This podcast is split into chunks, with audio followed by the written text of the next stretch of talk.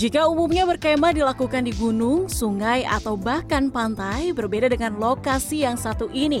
Di Nusa Manona, berkemah dilakukan di tengah situ yang terletak di Pangalengan, Kabupaten Bandung. Di situ Cipanunjang inilah terdapat daratan di tengahnya yang digunakan pelancong untuk berkemah.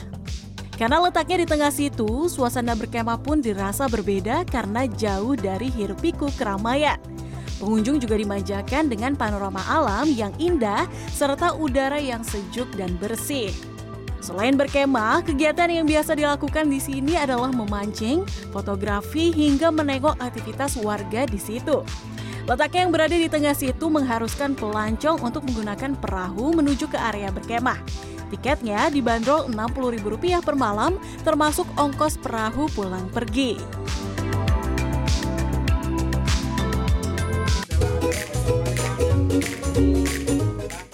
Bergeser ke Brebes, Jawa Tengah, ada objek wisata Taman Kelinci Alam Tuksirah Kali Pemali yang terletak di Desa Windu Aji.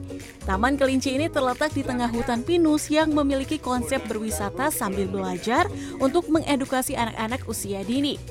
Di sini, pengunjung akan dipandu petugas wisata untuk berkeliling melihat aneka ragam jenis kelinci. Terdapat delapan jenis kelinci, di antaranya ras English Angora dan New Zealand yang dapat diajak berinteraksi oleh anak-anak. Selain Taman Kelinci, turut terdapat terapi ikan, kolam renang, dan area berkemah. Wisata Taman Kelinci buka setiap hari dengan harga tiket masuk sebesar Rp10.000 untuk semua usia. Tim Liputan CNN Indonesia.